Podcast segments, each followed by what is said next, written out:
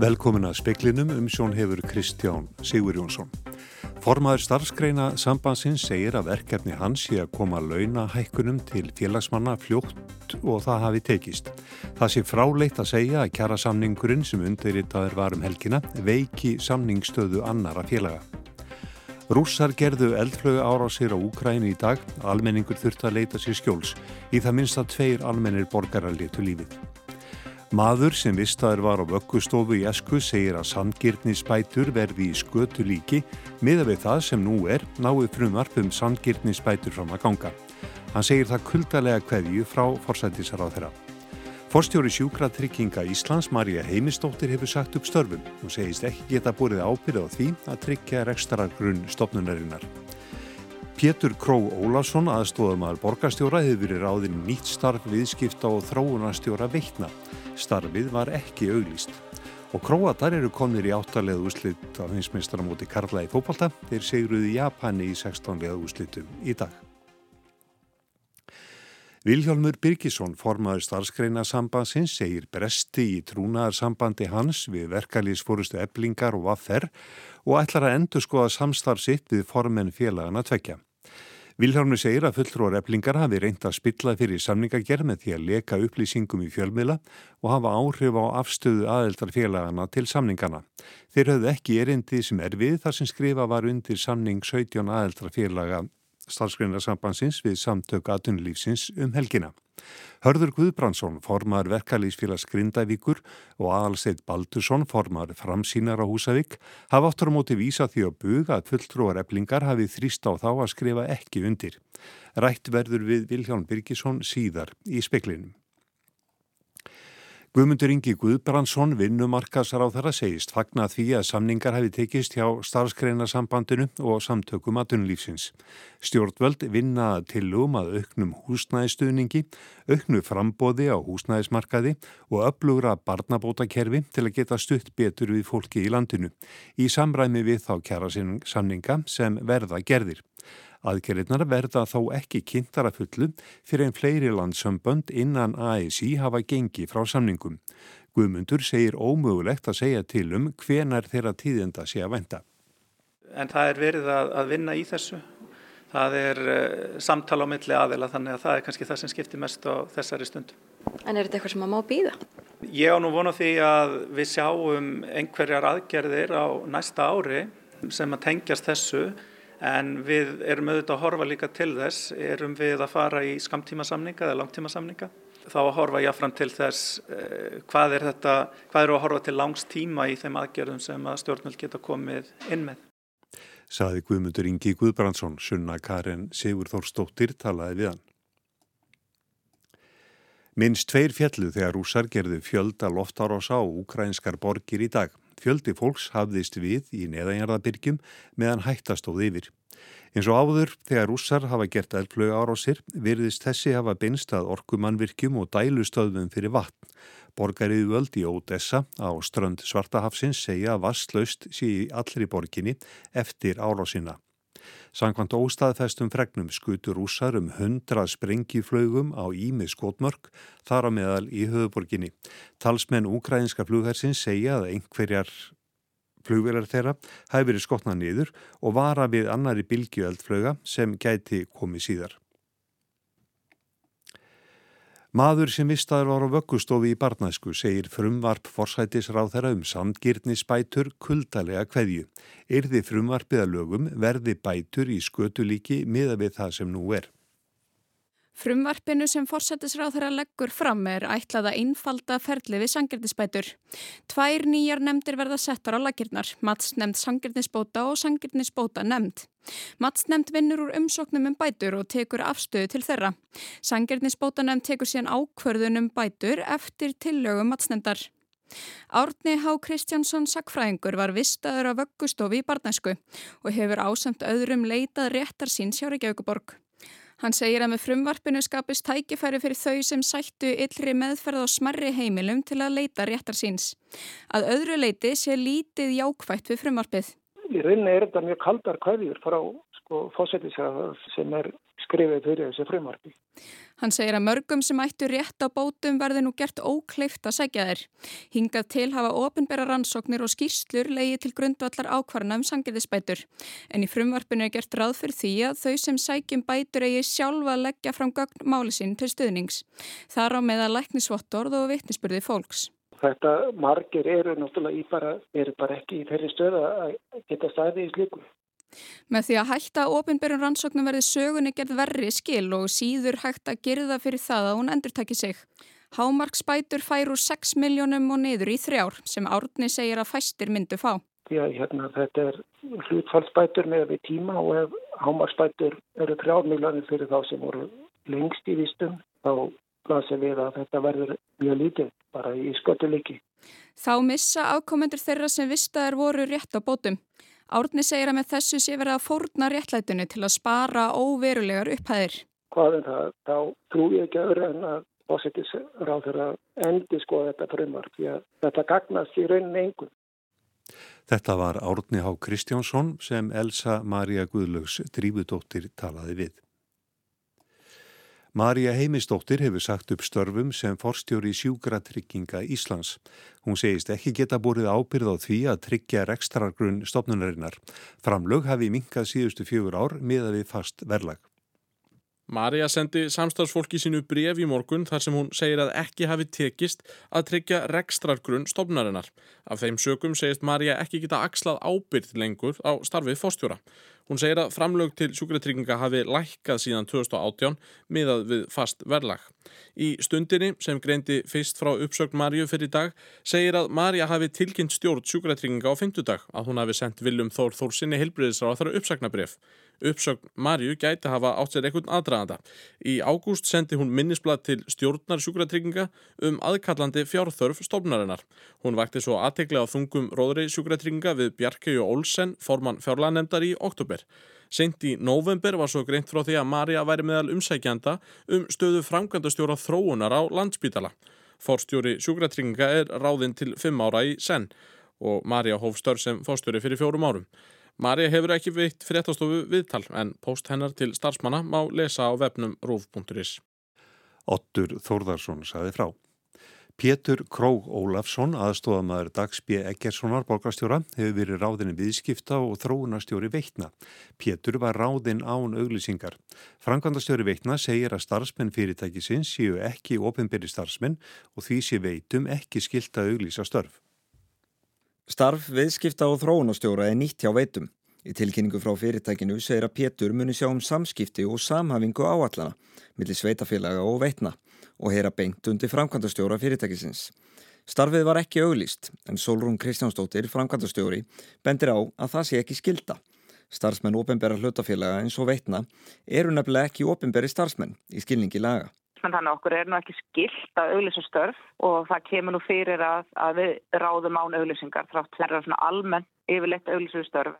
Pétur Kró Ólafsson hefur verið aðstofamöður Dags B. Gertssonar borgastjóra frá því dag og tók við árið 2014. Áður var hann bæjafulltrúi samfélkingarinnar í Kópavogi en stýriði kostningabaróttu flokksins í borgastjórnarkostningum 2014. Hann er með B.A.gráðu í sakfræði og M.A.gráðu í bókmentafræði frá Háskóla Íslands. Solrún segir að veitur stefni að því að stór ebla samtal við sveitafélagin sem fyrirtækið vinnur fyrir.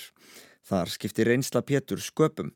Solrún segist ekki telja það óráðulegt að ráða pólitískan aðstofamann borgastjóra sem sennleitur á störfum. Ég voru nú bara ráðan Pétur sem að í rauninni hefur bara eitthvað svona hæfna þekkingu. Nú, ég var nú ekkit endilega velta fyrir mér því að borgastjóra var að láta störfum. Það var svona freka bara svo þekkingu hæfni sem Pétur býr yfir. Sagði Solrún Kristjánsdóttir, Alexander Kristjánsson sagði frá. Króatar unni sér sæti í áttalegu úsleitum og heimsmyndstarmóti Karla í fókbólta nú á sjötta tímanu með því að sigra Japani í vítaspyrnum getni. Brasilia og Suður Kórea mætast í setnilegdagsins í 16 legu úsleitum. Leikurinn byrjar klukka 19 og verður síntur á rúf tveimur.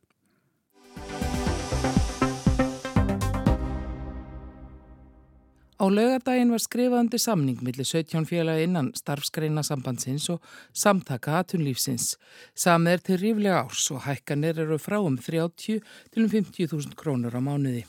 Viljámi Birgisson, formaður starfskreina sambandsins, segi stoltur af því að náða að gera samning sem tekur beint við af samningunum sem rann út um mánaðamótin oktober og november. Það sé einstæmi og tryggi að félagar verð ekki af hækkunum svo mánuðum skiptir. Atvinnureikundur hafa haft haga því að draga viðræður en núna lögðu við í starfskreinarsambandinu ofur áherslu á það að setja sko langt fram eftir nóttu dag eftir dag við það eitt að ná saman kjærasamningi þannig að við myndum koma launahækkunum út til okkar félagsmanna eins fljótt og verðam á og ástæðan er einföld það hafa dunið á okkar félagsmannum gríðarlega kostnarhækkanir á liðnum vissurum og því töldu við óbóslega mikilvægt að okkur tækist að láta nýjan kjærasamning taka við að þeim eldri. En verður ástandið eitthvað tryggara eftir rúmt ár? Vilhelmi segir að það verða að koma í ljós hvernig til text. Augljós sé þó að það fari hart á vinnumarkaði ef ekki text að koma böndum á verðbolgu og vexti og launafólk geti ekki eitt tekið ábyrð á því. Hagsbár gerir ráð fyrir rétt rúmlega 5% af verðbolgu. En þessi samningur er að eh, skila í prósentum, mér er ítla við að tala um prósentur vegna þess að við förum ekki með prósentur út í búð að vestla. Við förum með krónur. En samt sem áður er alltaf verið að umreikna alla launahækanir yfir í prósendur. Þessi samningur er að gefa 11,5% af launahækun. Þannig að ef að verbulgusbáinn gengur eftir að þá verður hér kaupmáttar aukning miða við þessa fórsundur sem að menn gefa sig þegar verið að rekna út kaupmátt einhver staðar á bylnu 5-6% og það var markmiðið okkar þegar við fórum að staði í kjara viðraður að verja kaupmátt okkar okkar fólks. Vilhjálmur óttast ekki hérna íllremdu víksverkun launahækana og verðlags. Hann telur ríkja þjóðarvitund um að rétta þurfi kjör þeirra sem lægst hafa kaupið þó svo að tölvert vandi upp á enn. Samningurinn skili alltaf 52.000 krónar hækun. Þetta er í sko skamtíma samningi. Ég hef aldrei tekið þátt í að gera slíkan samning áður og við erum að laga launatöfluna, við erum að umbuna þeim sem hafa verið lengi í starfi hjá sama vinnuveitinda, við erum að laga launatöfluna sem að skila líka ávinningi. Því að þegar við höfum verið að semja um krónutulur á liðnum árum þá hefur launatöflan þjappast svo mikið saman að það hefur engin ávinningu verið hvort þú sitt búin að vinna í 20 ár hjá sama fyrirtæki eða hvort þú sitt að byrja hjá fyrirtækinu. Þetta lögum við í þessu samningi. Þannig að þeir sem eru til dæs búin að vinna í 5 ár eða lengur hjá sama vinnuveitanda að þeir eru að fá þarna leiritingu upp á svona 12-13.000 krónur í gegnum töfluna. 19. desember líkur atkvæðagreðslu um samningin. Formen Vaffer og Eblingar þau Ragnar Þór Ingólfsson og Solveig Anna Jónsdóttir sem eru ekki búin að semja hafa ekki tekið samninginu vel, tala um vonberiði, blekkingarleik og að samningsstaðan hafi veikst. Þessu hafnar Vilhjálmur með öllu. Átökinn í verkaliðsreifingunni hafi ekki farið fram hjá neinum. Fyrir tæpum tveimur mánuðum gengu þó Vilhjálmur, Ragnar Þór og Solveigana öll út af þingi Alþjóðsambands Íslands en er tröstið millir þeirra nú horfið. Ég, það allavega gerðist ímislegt núna þar sem að þau verið að gaggrina okkur í starfsgrænarsambandinu og mig personlega fyrir að hafa gengið frá þessu samningi. Ég tek bara mitt starf óbóslega af, af mikilli ábyrð vegna þess að ég er að vela með lífsviðværi fólks og ég er í þessu til þess að semja. Ég mætti karpúsi til þess að semja. Ég fór nánast ekki úr karpúsinu með það markmiði ég vildi semja. Ef það eru aðrir sem eru með önnur markmið heldur það, þá verða þeir bara eiga það við sig. Ég kom þannig inn algjörlega fókusur á það hvað ég væri að gera. Markmiði var að koma launahækunum út í minna félagsmanna og það tókst er ekki ólíklegt að það náist frekar samstæðan og samstæðan verið talin alltaf helsta vopnið í verkefliðsbaráttunni þegar við horfum fyrst upp á klopning í haust og ágreining innan allþjóðsambandsins og núna frekari á, ágreining innan þessa hóp sem þó hafið þar sagt sér svolítið frá. Já, þetta er orðið ágreiningur ofan ágreiningsöðu. Jú, ég veit að svo er það náttúrulega kannski bara líka þannig að hagsmunir innan reyfingarinn eru opbóslega misjafnir. Það er hagsmunni liggja í því eftir hvaða hópa þú ert að vinna fyrir. Ert að vinna fyrir millitekjufólk eins og til dæmis hjá Vaffer. Þar ertu með sko, félagsmenn sem eru alveg á vinni í stórmörkonum og alveg upp í fólk sem er með 2, 3 og 4 miljónur á mánuði og allt þar á milli. Og ég gerum alveg grein fyrir því að það er flókið og erfitt samspil að finna hvernig að eiga nálgast slíkan samning. En hjá okkur í starfskannarsambandinu eru við að vinna með fólki sem er á lögustu kjörunum. Hann óttast ekki að félagsminn fell í samningana þó að auðvitað hafi viðbröðu nú áhrif. En það sé þeirra sem gerðu samningin að kynnan almennilega. Formaður verkalýsfélags Grindavíkur skrifaði ekki undir á lögadaginn og Vilhjálmur bendir á að í Grindavík sé margt fiskvinnslu fólk. Ef ég var í félagsmaður þar þá myndi ég spyrja mig býtu hvernig er hægt að láta slíkt tæki færi fram hjá sig fara. Því að það hefði ekkit verið mál að vera með í því og spyrja síðan félagsmennina er þetta ásatalett því að það er alltaf félagsmenninir á, á endanum sem hafa loka orði það eru þeir sem kjósun samningin og mér finnst það ábyrðalust að vera með kjærasamning sem hefur skila fiskustufólki í grindaug 60-65 krónum á mánuði í skamtímasamningi að leggja ekki slíkan samning fyrir þá. Hann hafnar því alveg að samningurinn rýri samningstöðu annara eða takmarki aðkomið þessu ofinbera bara fráleitt og þetta er bara algjörlega, sko, þetta, þetta er fráleitt hjá, hjá Ragnar að halda þessu fram. Við lögðum fram kröfur á hendur ríkinu þetta samflót sem við vorum í. Það hefur ekkit breyst, svo vinna er ennþá í gangi og það skiptir engum máli hvort að starfskreinarsambandi sé búið að ganga frá kjærasamningi ekki. Ég veit að það á að hækka barnabyttur. Ég veit að það á að hækka húsnæðistunning. Ég er búin að vera í sambandi við fórsinsræðara. Ég tók þátt í þessari vinnu. Þessi vinna er enþá í gangi en stjórnvöld vilja að fleiri landsömböld innan alþýðisabas klári sína samninga til þess að geta lagt fram hvað að hafa fram að færa til að styðja við samningana. Þessi vinna er enþá í gangi og ef að fólk vil hafa áhrif á þessi mál sem að lúta stjórnvöldu þá verður fólk að taka þátt í því þá ferður bara ekki úr húsi. Þú hefur engin áhrif hvorki við gerð kjærasamnings eða aðkomi stjórnvalda eða þú ert bara að loka einhverstar inn á þinni, þinni skrifstofu og þú voru að taka þátt í þessu. Saði Vilhjálmur Birgisson, formaður starfskreina sambansins. Anna Kristín Jónsdóttir talaði við hann.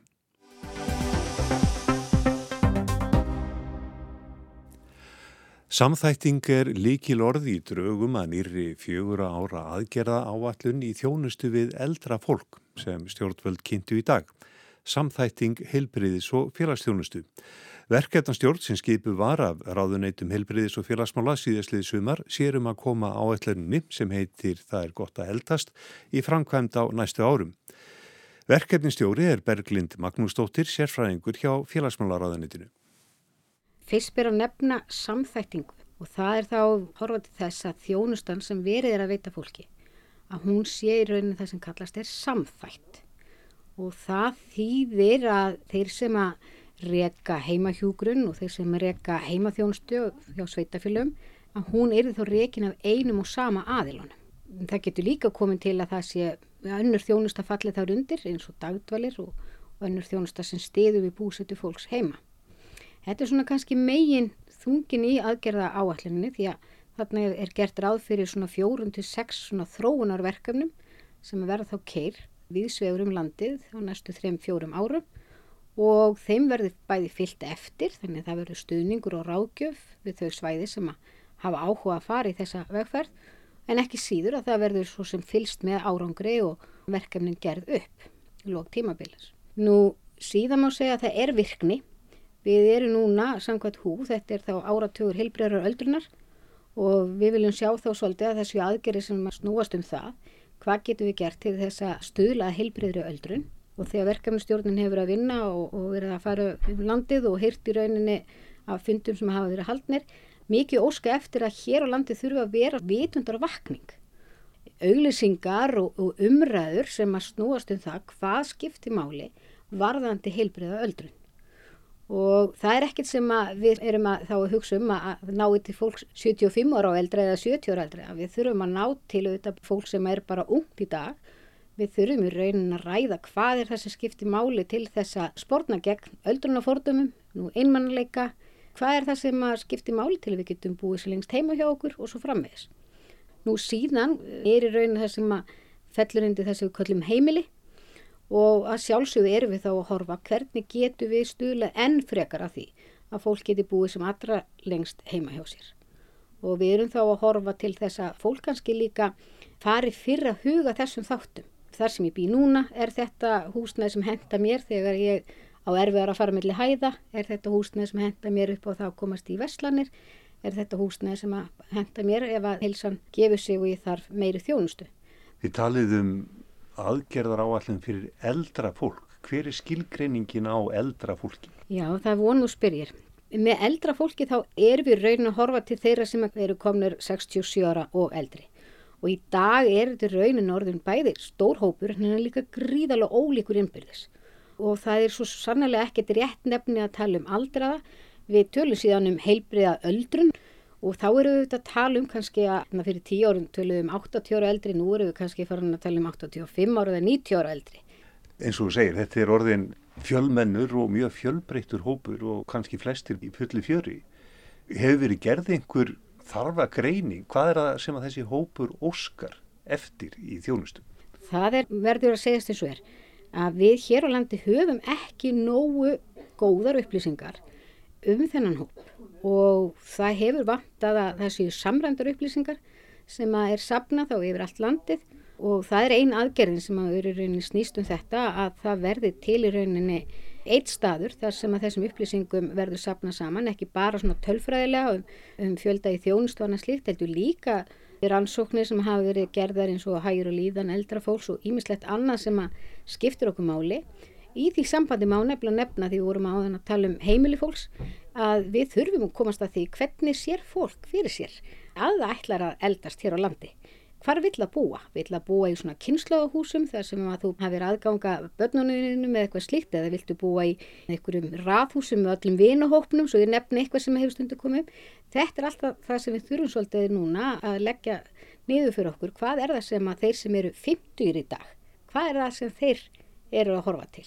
Við höfum kannski verið svolítið uppdegin ofta að spurja hópin sjálfan en við þurfum að sjálfsögja að spurja hann ef við þurfum líka að sjá fyrir okkur hvernig verður þetta eftir 20 ár því að við þurfum að byrja núna að undirbúa það. En nú er þetta aðgerðar áallin til fjögur ára og þessi verkefnastjórn, hún starfa hvað næstu fjögur árin. Hvað tekur núna við? Nú fer þessi draug farið samráðskátt stjórnvalda núna um 15. desember og þá í rauninni gefst öllum tækifæri til þess að koma með aðtjóðsendir og síðan er stemt að því að hún verður þá samþygt á alþingi á vormánuðum Það er í rauninu svo að fjórum ári liðnum sem við erum að vonast þá til að það verði niðurstaða. Niðurstaðan á þá að vera stjórnvöldum svona leiðarvísir í hvert þau skuli stefna til framtíðar. Við viljum sjá að eftir fjögur ár að þá séu við með samþækta þjónustu sem víðast og að það verði þá þjónustan svolítið eldi fólkið og við séum að nýta í rauninni rétta aðila til þess að þjónusta einstaklingin heima við hvers svo sem þjónustu þörfin er. Finnst þér vera samstaða, pólitík samstaða um þennan málflokk og hvað gera skuli? Já, það sem er kannski styrklegi þessarar aðgerra áallunar er að það eru tveir ráþirar sem í rauninni skipa verkefnu stjórnina það er að segja félags- og vinnumarkasar á þeirra og heilbrísar á þeirra. Einnig komu að undirritun og vilja yfirlýsingarinnar fjármálar á þeirra og svo formast Íslenska sveitafélag. Þetta verkefni er ekki kyrt af einum aðila, þetta er stort verkefni og það þarf ekki bara þess að tvo ráð þeirra. Við þurfum verulega á sambandi íslenska sveitafélag og öllum sveitafélagunum að halda og sjálfsögðu fjármálaráðunitinu líka og við höfum kannski hinga til verið að takast á um krónur og hver borgar hvað og hver sinnir hverju. Þetta er rauninni það sem við þurfum núna að gera upp, hvernig við vinnum þetta og allir þurfum að leggja sér fram. Og við finnum að þú spyrir, við finnum alveg fyrir að það er mikill meðbyr, við finnum að að það eru svæði út um all land sem hafa mikið áhuga og eru jafnvel bara alveg svona að byrja og sjá eins og við öll að við okkur tekst þetta ekki nema eitthvað meina að vinna hlutina í miklu meiri sammunu þar að segja félags- og heilbríðsþjónusta getur í rauninni ekkit verið án hvors annars og þannig í rauninni náðu svona heildar þjónustunni sem að hver veitin einstaklingur þarf á að halda. Saði Berglind Magnúsdóttir verkefnastjóri aðgerðar áallunarinnar gott að eldast.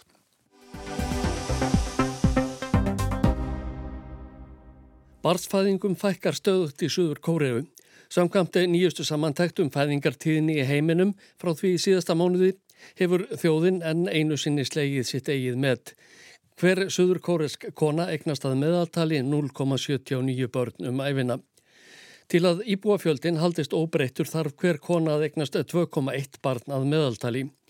Árið 2016 spáði líftölufræði delta Hagstofu Suður Kóriðu því að frá árinu 2029 urðu döðsfölli landinu fleiri en fæðingarnar. Raunin var svo að þróunin hofst tíu árum fyrr.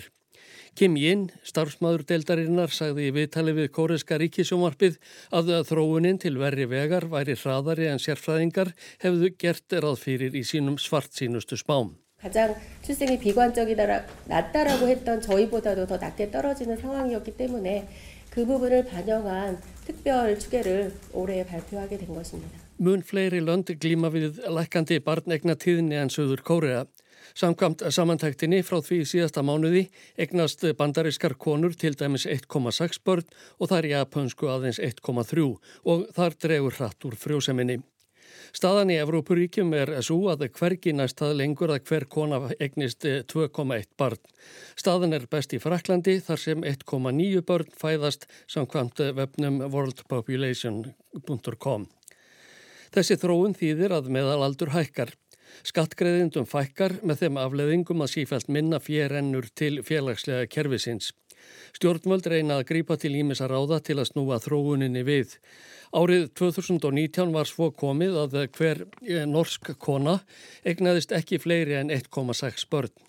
Þá notaði Erna Súlberg forsættisráð þeirra áramóta ávarpið til að hvetja til frekari barnegna og taldi sig ekki þurfa að útskýra hvernig þau erðu til eins og framkom í speiklinum í ársbyrjun 2019. Í Suður Kóriðu hafa stjórnvöld farið þá leið að borga fólki fyrir að fjölga sér. Í september saði Jún Suk Jól eh, fórseti frá því þegar hann heimsótt í leikskóla að síðastliðin 16 ár hefði jafn verði 28.000 miljardar króna verið greitt úr ríkisjóði í fæðingarstyrki. En allt kemur fyrir ekki. Ungt fólki í Suður Kóriðu hikar við að stopna fjölskyldu af ímsum ástæðum. Fastegna verðir hátt. Mentum barna og unglinga kostar mikið og einni hefur fólk áhyggjur af efnahagsmálum. Þegar ný ríkistjórn tók við völdum í mæ var það sjálfsögðustofnum nefnd til að skila tillugum um hvernig fjölga megi börnum. Hún leggur til að mánadarlegar greiðslur með hverju barni upp að eins ást aldri verði hækkaðar úr 33.000 krónum í 76 og að frá árinu 2024 hækki styrkurinn í 109.000. Suður Kóriðubúar eru reyndar margir efinsum að Jún Forsetti sé rétti maðurinn til að taka á vandamálinu. Í fyrirnemndri heimsokn í leikskólan var haft eftir honum að hann skildi ekkert í því að lítil börn væri vistu í leikskólum. Skinsamlegra væri að uppeldinu veri sint heima fyrir. Einnig bætt hann gráuan á svart með að spyrja hvers vegna börn væru ekki byrjuð að ganga þegar þau næðu sex mánada aldri. Efnahagsherfræðingar eru efinsum að það eitt dugi til að eh, börnin með tækja fjölga að hækka mánarlegan styrk til foreldra þar til barnið nær árs aldri. Nær væri að bæta hag foreldrana meðan börnin eru að vaksa úr grasi.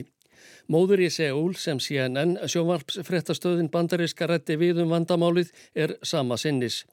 Hún á vona á sínu öðru barni og kvíðir framtíðinni. Að hennar sögnu komst hún ekki út á vinnumarkaðin eftir að fyrra barnið fættist. Hún og eiginmaður hennar hafa ekki efni á að senda börnin í enga leikskóla. Ekki kemur til greina að senda þau í leikskóla hins opimbera eftir að frettur bárust af því upp á síðkastið að smá börn væru beitt harðræði og jafnvel lamin. Fleira hangir á spýtunni sem kemur í vekk fyrir að börnum fjölgi í Suður Kóreu. Glasafrjókunar meðferstendur einhleipum konum ekki til bóða. Hjónabönd fólks af sama kyni eru bönnuð og stránga reglur gera sambúðar fólki erfitt fyrir að ætliða börn. Lý Jinsong rittöfundur hefur ritað bók þar sem framkoma ástæður fyrir því að ungir söður kóriðu búar verða æg frákverfari því að ganga í hjónaband og eignast börn. Einn þeirra segir hún að sé svo að ráðamenn verði að fara að sætta sig við breyta heimsmynd. Hjónaband geti verið meira en löglegt samband Karls og konu. Ásker Tómasson sagði frá.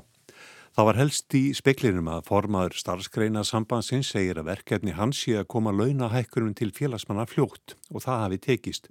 Það sé frálegt að segja að kjara samningurinn sem undirritar varum helgina veiki samningsstöðu annara félaga. Rússar gerðu eldflögu ára á sér á Úkræn í dag, almenningur þurfti að leita sér skjóls, í það minnst að tveir almennir borgarar letu lífið. Forstjóri sjúkratrygginga Íslands, Marja Heimistóttir, hefur sagt upp störfum. Hún segist ekki geta búið ábyrð á því að tryggja rekstrargrunn stopnunarinnar. Og króatar eru konir í áttaliða úslitt á heimsmystramóti Karlaðið fókbólta þeir segruðu Japani í 16 liða úslitum í dag. Fleiri er ekki í speklinum, tæknum aður var Mark Eldredd, verið í sæl.